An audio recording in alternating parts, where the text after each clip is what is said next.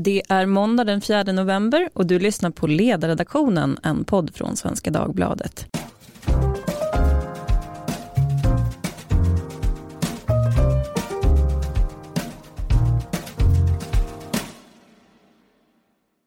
Jag heter Lydia Wåhlsten och idag ska vi prata om skolan.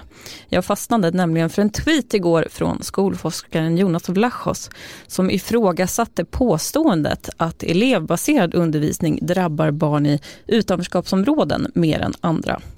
Det här har ju blivit en slags allmän sanning i debatten. Man ser kanske framför sig en ung begåvad person som möts i skolan av en brist på läxor och stök på lektionerna och därför inte kan göra den klassresa som han eller hon annars hade kunnat göra. Vlachos kritiserar bland annat Expressens politiska redaktör Anna Dahlberg och skoldebattören Isak Skogstad för att driva den här linjen. Och han skriver så här. Mitt problem med det här argumentet är att data inte tyder på att elevens familjebakgrund har blivit viktigare för skolresultaten. Detta trots att skolsegregationen ökat kraftigt på grund av boendesegregation och skolval. Ja, drabbas elever i utanförskapsområden mer av icke-traditionell undervisning än andra? Det ska vi prata om idag. Men innan jag säger hej till dagens gäster ska jag be om ursäkt för att vi i fredags inte gjorde någon podd. Vi skulle ha sagt i torsdags att vi tog helg, men jag hoppas att ni har haft en fin allhelgonahelg och tänt ljus för kära som ni minns. Själv har jag anordnat begravning för min mamma som ni kanske känner till från den text som jag skrev om henne och om svensk cancervård. Så för min del så blev den ett extra djup i allhelgonahelgen i år. Och på den eh, tunga noten är jag glad att välkomna dagens panel som nästan är i samma viktklass. Jag säger välkommen till Jonas Vlachos själv, professor i nationalekonomi vid Stockholms universitet och forskare vid Näringslivets forskningsinstitut IFN. Välkommen. Tack så mycket. Med mig i studion sitter också en person som har varit här förut. Erik Lackoma, du är doktor i ekonomisk historia och har även forskat på skolan och du är verksam vid ett institut vid Handelshögskolan här i Stockholm. Välkommen. Tack så mycket. Mitt emot mig sitter då den i det här fallet kritiserade Isak Skogstad, populär skoldebattör och även lärare själv. Och du är ju också aktuell med boken Obekväma sanningar om skolan. Min första fråga låter så här och det är väl förhoppningsvis en ja eller nej-fråga. Drabbas svaga grupper hårdare av den så kallade flumskolan? Jag skulle vilja säga ja. Isak säger ja. Vad säger Jonas? Jag skulle också tro att så är fallet. Okej, okay. Erik? Ja, det verkar rimligt. Ja. Vem vill börja utveckla? Ja, men jag kan bara börja med att nämna det att det som Jonas Vlachos tar upp om familjebakgrundens betydelse det håller jag helt med om och skrivit faktiskt i två rapporter tidigare. Att eh, Skolverket har ju tidigare basunerat ut att familjebakgrundens betydelse har fått en ökad effekt för elevernas resultat. Men det är en väldigt eh, grundanalys alltså. Vad som man kan se att man har ofta kategoriserat upp det i utrikes och inrikes födda. Och då är det inte konstigt, exempelvis om vi tittar i början på 90-talet, då var en tredjedel av andelen utrikesfödda elever från Finland. Alltså ett land med ganska god skola. Medan det har skett en utveckling gällande elevernas demografiska bakgrund. Exempelvis kommer fler elever från länder med utpräglad analfabetism och dåliga skolsystem. Så det är inte konstigt att det ser ut som att utrikesfödda elever presterar allt sämre. Men orsaken är snarare att finna mer i demografin avseende de utrikesfödda eleverna än skolan själv. Så jag uppfattar aldrig det som kritik från Jonas Vlachos mot mig. Men det kanske var jag som ja, helt enkelt inte insåg att han kritiserade mig. Men jag håller helt med om den analysen. Och gällande de eleverna, de svagaste drabbas mest. Jag menar, alltså, ja, det tror jag absolut. Jag menar andra elever som exempelvis medelklassens hem och sånt kan ju mångt och mycket kompenseras av det. De har socialt och kulturellt kapital. I Danmark genomförde man för några år sedan en väldigt stor registerstudie med 56 000 elever och där såg de att eh, ju mer elevorienterad pedagogiken var i skolan desto sämre blev resultaten och värst drabbades då de, eller mest drabbades de socioekonomiskt svaga eleverna. Så att eh, jag tar både emot eh, kritiken och utvecklingen och jag instämmer i Vrachos analys i mångt och mycket. Jonas, jag, du ska få invända. Jag kan bara säga då vad det var som skrevs i Expressen. Det var ju Anna Dahlberg då som lyfte upp din bok Isak och eh, hon skrev bland annat så här om svaga elever. Vilka är det egentligen som har blivit de stora förlorarna i dagens skola? Jo, just det, elever från socioekonomiskt svaga familjer. Att vi har normaliserat de groteska nivåskillnaderna mellan skolor i Sverige är egentligen lika absurt som att sprängningar har blivit vardag. Men Jonas, vad är det du studsar på i att de använder den här retoriken? Den berättelse som vi får är att, att uh, flumpedagogiken har fått ett genomslag som har lett fram till sjunkande resultat i allmänhet och i synnerhet då för de grupper som påstås drabbas hårdast av de här pedagogiken, det vill säga de från studieovana hem. Och tittar man då i data så är det väldigt svårt. menar, det finns vissa tendenser och sånt där, men, men väldigt mycket drivs av invandring och tar vi bort eh, elever med invandrarbakgrund så ser det ut som det kanske har hänt någonting med familjebakgrundens betydelse, men det är inte särskilt mycket. Och då är det någonting som är fel i den här verklighetsbeskrivningen. Antingen så är det så att det de här nya, den här dåliga pedagogiken inte har fått det genomslag som det framhävs. Det kanske är något helt annat som har hänt. Eller så är det så att den har inte de effekter på olika grupper så som det förutsätts i debatten. Därför att annars får inte jag ihop bilden, jag får alltså inte ihop bilden med data att det här skulle vara liksom, att vi har en samlad förklaring till sjunkande resultat generellt och ökande skillnader. Det är någonting i den här storyn som inte hänger ihop. Om man då pratar om det här med kompensatoriska uppdraget i hemmet, ja, det, självklart är det så att olika, olika familjer har olika möjligheter att kompensera för bristande undervisning.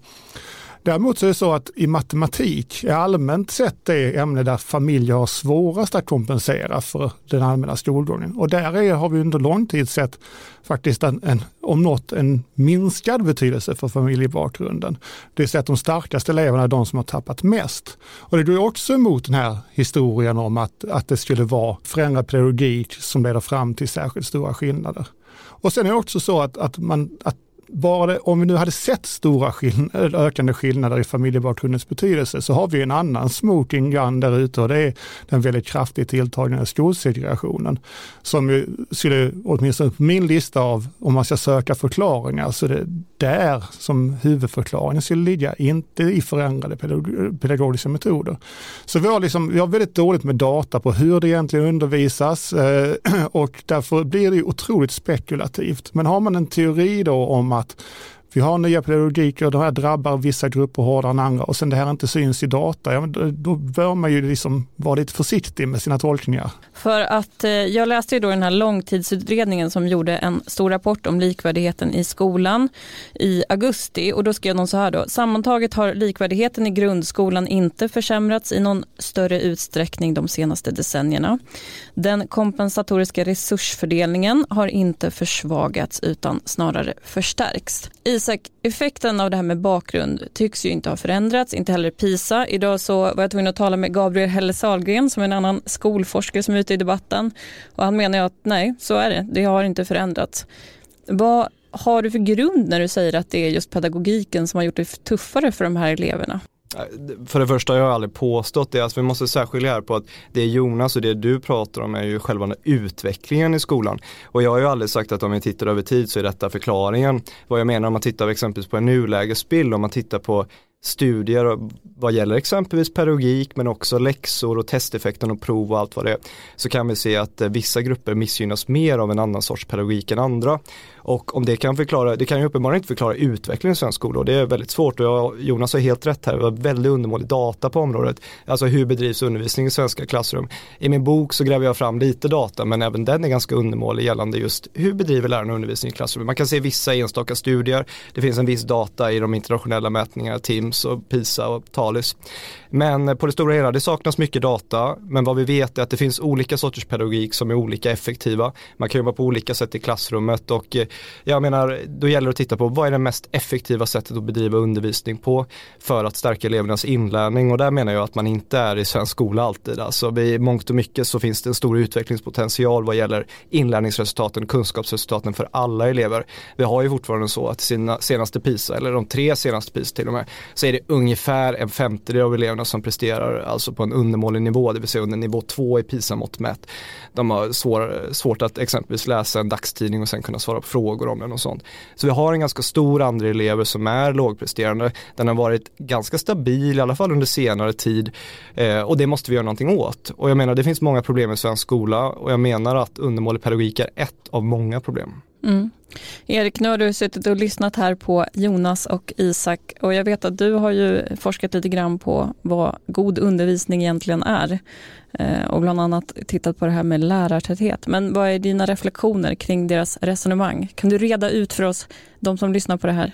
Ja, det är lite, alltså det, problemet, och det nämnde Jonas också, att det finns väldigt dålig data på många år. framförallt hur undervisning går till i svenska skolor, vad man faktiskt gör. Eh, du kan naturligtvis fråga lärare hur du undervisar du och så får du ett svar och det, det svaret skulle mycket väl kunna vara att man svarar som man förväntas svara för att det som är det gällande paradigmet just nu. Och då kommer man svara att vi självklart arbetar med inkludering, grupparbeten och så vidare för att det är det man ska göra, annars blir man sannolikt utstött ur den här professionen idag, i alla fall om man ska tillhöra den mer progressiva delen av den. Så att de kommer inte svara att vi har liksom katederundervisning för att eh, det ska man inte svara. Så även om det skulle kunna finnas eh, en förklaring att det har inte slagit igenom så mycket. Det vet vi inte men det skulle kunna vara så. En annan sån här faktor är ju att eh, du har, när det, man ska koppla de här faktorerna, undervisningsmetoder, det som har diskuterats här med, med flumpedagogik, det behöver inte vara så att det är eh, ett säga, representativt urval av eleverna som finns på de här skolorna. Det finns till och med tendenser att om man tittar till exempel på Montessori-skolor att det är för, som har en pedagogik åt det hållet som företrädesvis har elever som har eh, alltså, högutbildade föräldrar och så, och så vidare. Så att, som skulle då kompensera, de kanske skulle klara sig bättre i en annan skolmiljö än vad de gör där.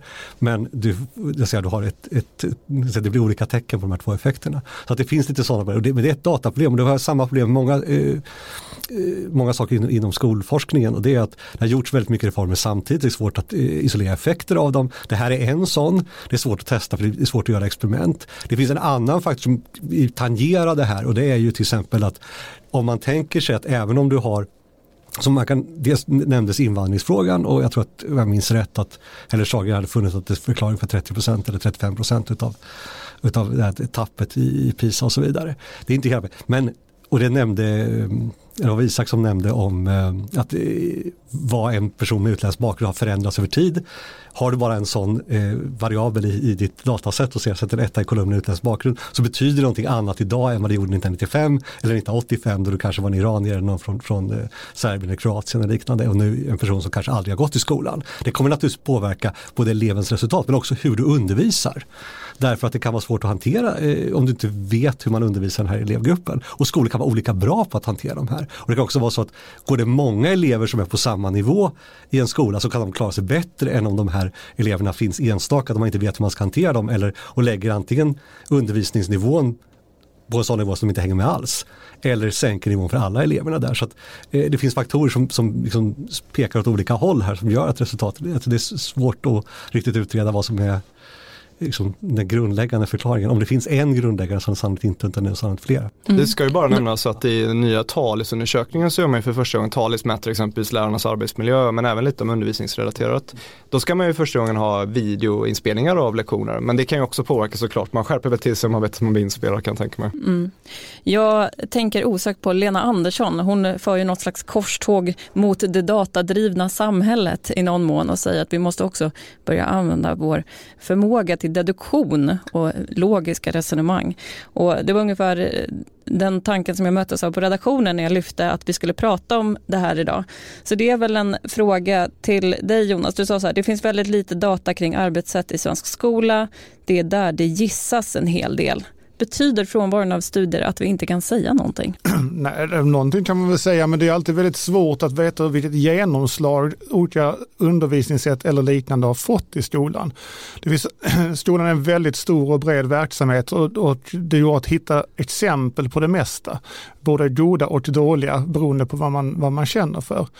Och därför har jag använt min deduktiva förmåga och sagt att om vi nu har ett, ett arbetssätt som enligt många studier, håller jag helt med Isak, visar att, att, det är, att det är särskilt dåligt för vissa elevgrupper och vi sen inte ser det något genomslag att de här elevgrupperna har drabbats allt hårdare eller försämrats relativt andra grupper i skolan.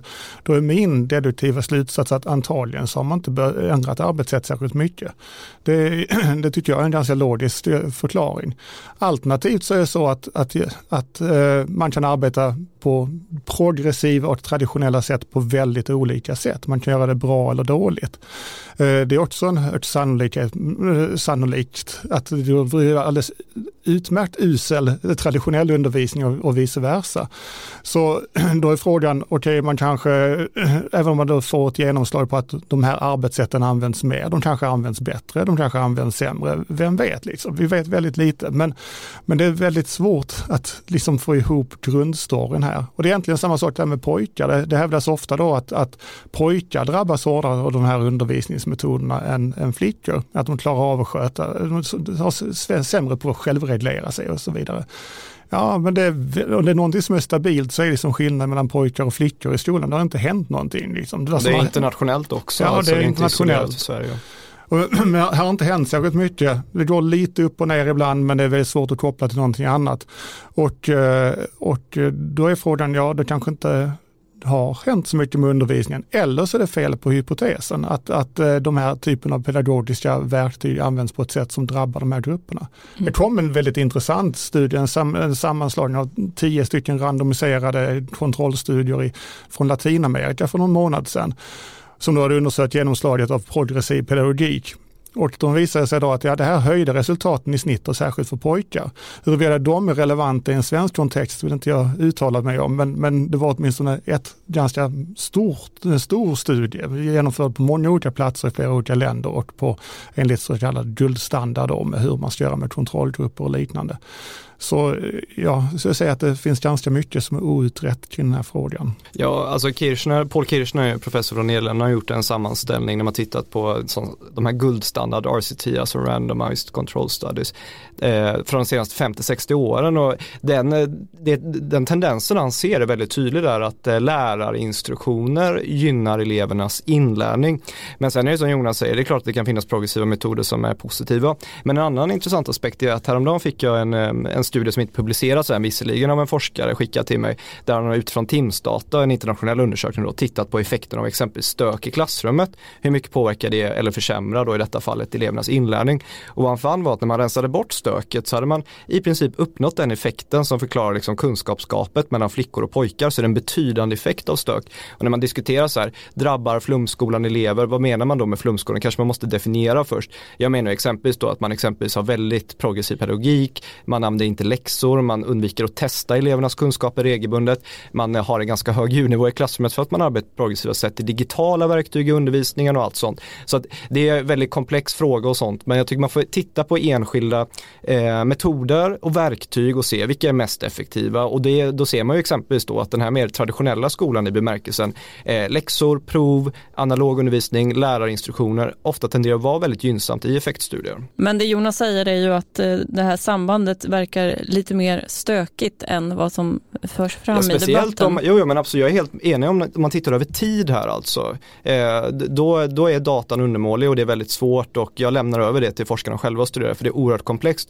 Men vad jag säger är att om man tittar på enskildheter här, alltså exempelvis metoder klassrummet, undervisningsmetoder och sånt. Där kan man ju finna mycket starkare evidens i internationell forskning. Mm. Erik. Just den här frågan, alltså det var bra att du, du, tog upp den här stökfrågan. Alltså man ska titta på vad skulle kunna förklara de här resultatskillnaderna. Det vi vet från, från framförallt internationell forskning för Sverige är det väldigt skakigt och dåligt och ibland icke-existerande om just det här hur det går till i klassrummen. Men internationellt finns det liksom studier som tittar på effekt av lärare, hur man undervisar och så vidare.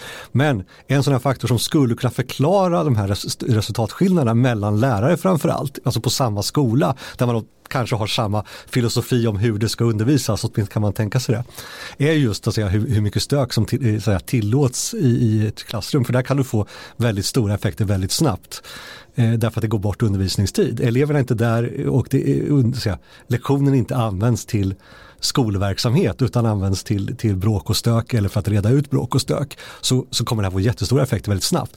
De effekterna är sannolikt mycket större än vad du kan få i skillnaden mellan olika typer av pedagogik, allt annat lika. Så att, eh, det är väl egentligen det jag skulle börja titta om man, om man skulle undersöka det här. Så hur mycket stök går bort i, i klassrummet i, i liksom, på olika skolor beroende på vilken lärare. För att mm. Det kan förklara jag, de här skillnaderna.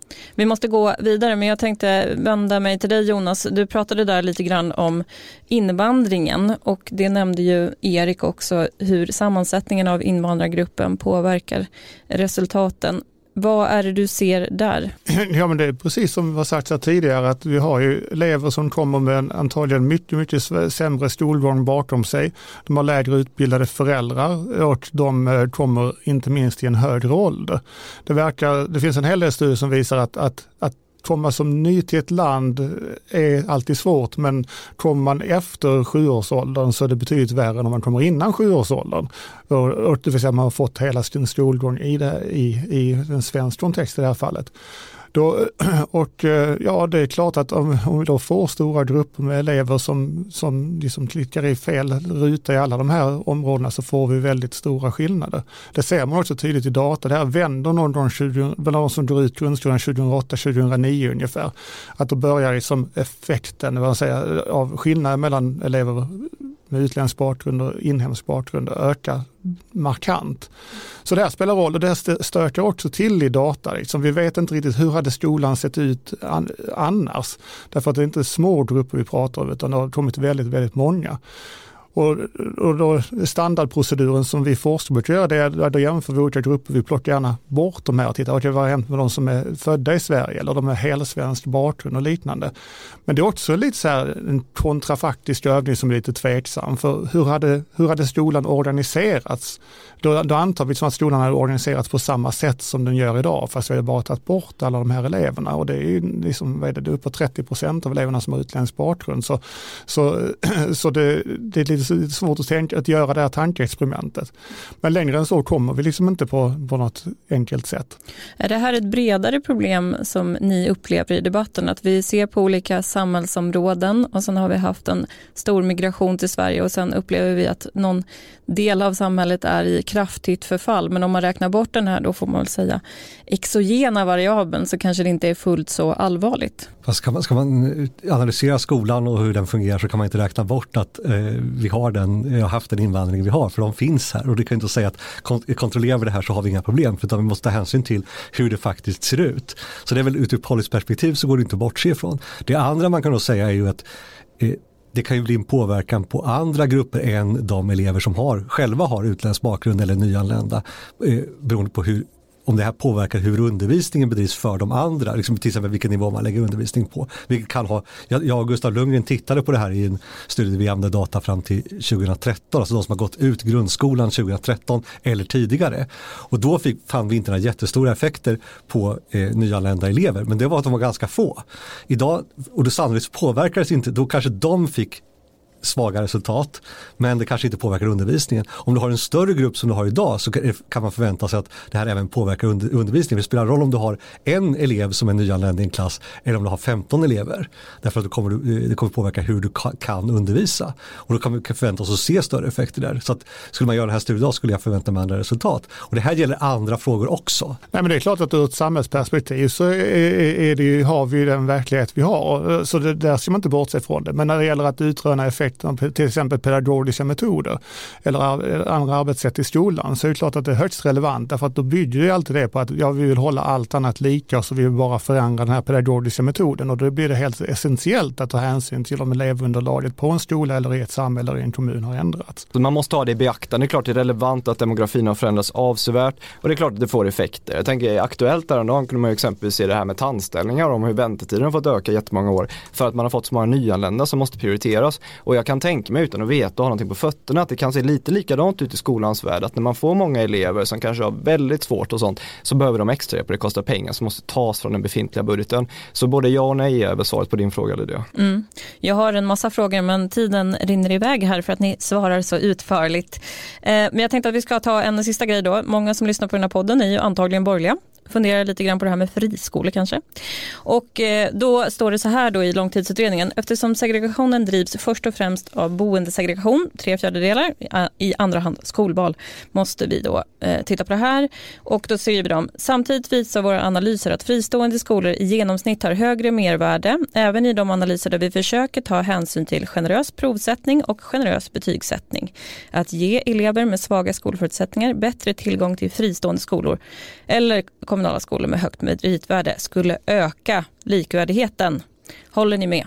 Kort. Det här är ju ett ämne för en helt ny podd Lydia. Du anar inte var du startar men jag lämnar väl över till forskarna här i rummet. Alltså man kan ju svara på de här två frågor som har varit uppe idag. Alltså den här stökfrågan, jag håller på med en studie tillsammans med Carl Wennberg och Abel Sebato som tittar på arbetsmiljöfrågor och kopplat till konkurrens och resultat. Och där finner vi att stök minskar om du har mer konkurrens. Och om stök är förklaringsfaktor så finns det naturligtvis samband mellan skolval att det skulle leda till detta. Samtidigt har du också den här frågan som skulle kunna vara en motverkande faktor att du faktiskt kan anpassa undervisningen i och med att du, skolor vänder sig till olika elevgrupper. Det skulle leda till skillnader mellan skolor men samtidigt också totalt bättre utbildningsresultat för alla.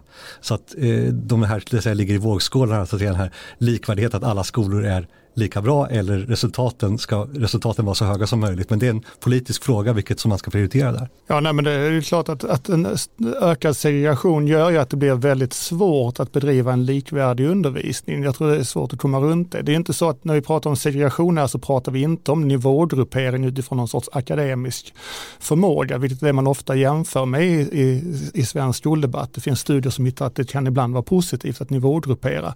Men här pratar vi om en renodlad social segregation segregation, vilket naturligtvis hänger samman med skolresultat, men det är inte samma sak som en nivågrupperad skola.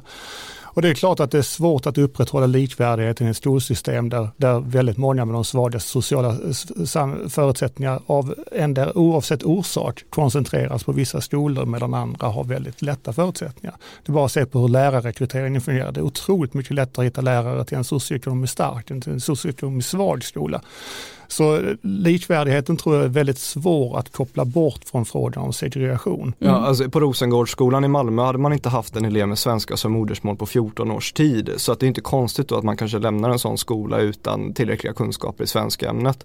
Så att det är klart att det påverkar. Ja, hörni, jag tror att vi kommer behöva kalla in er för ytterligare en podd för då ska vi prata om kamrateffekter som vi var inne på, hur det påverkar, nämligen då att man sätter in mindre begåvade människor med bättre begåvade människor och så ska de dras upp av dessa eh, draglok.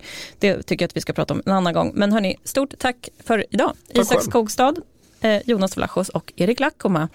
Ni som har frågor, ni får höra av er som vanligt på ledarsidan svd.se. Hej då!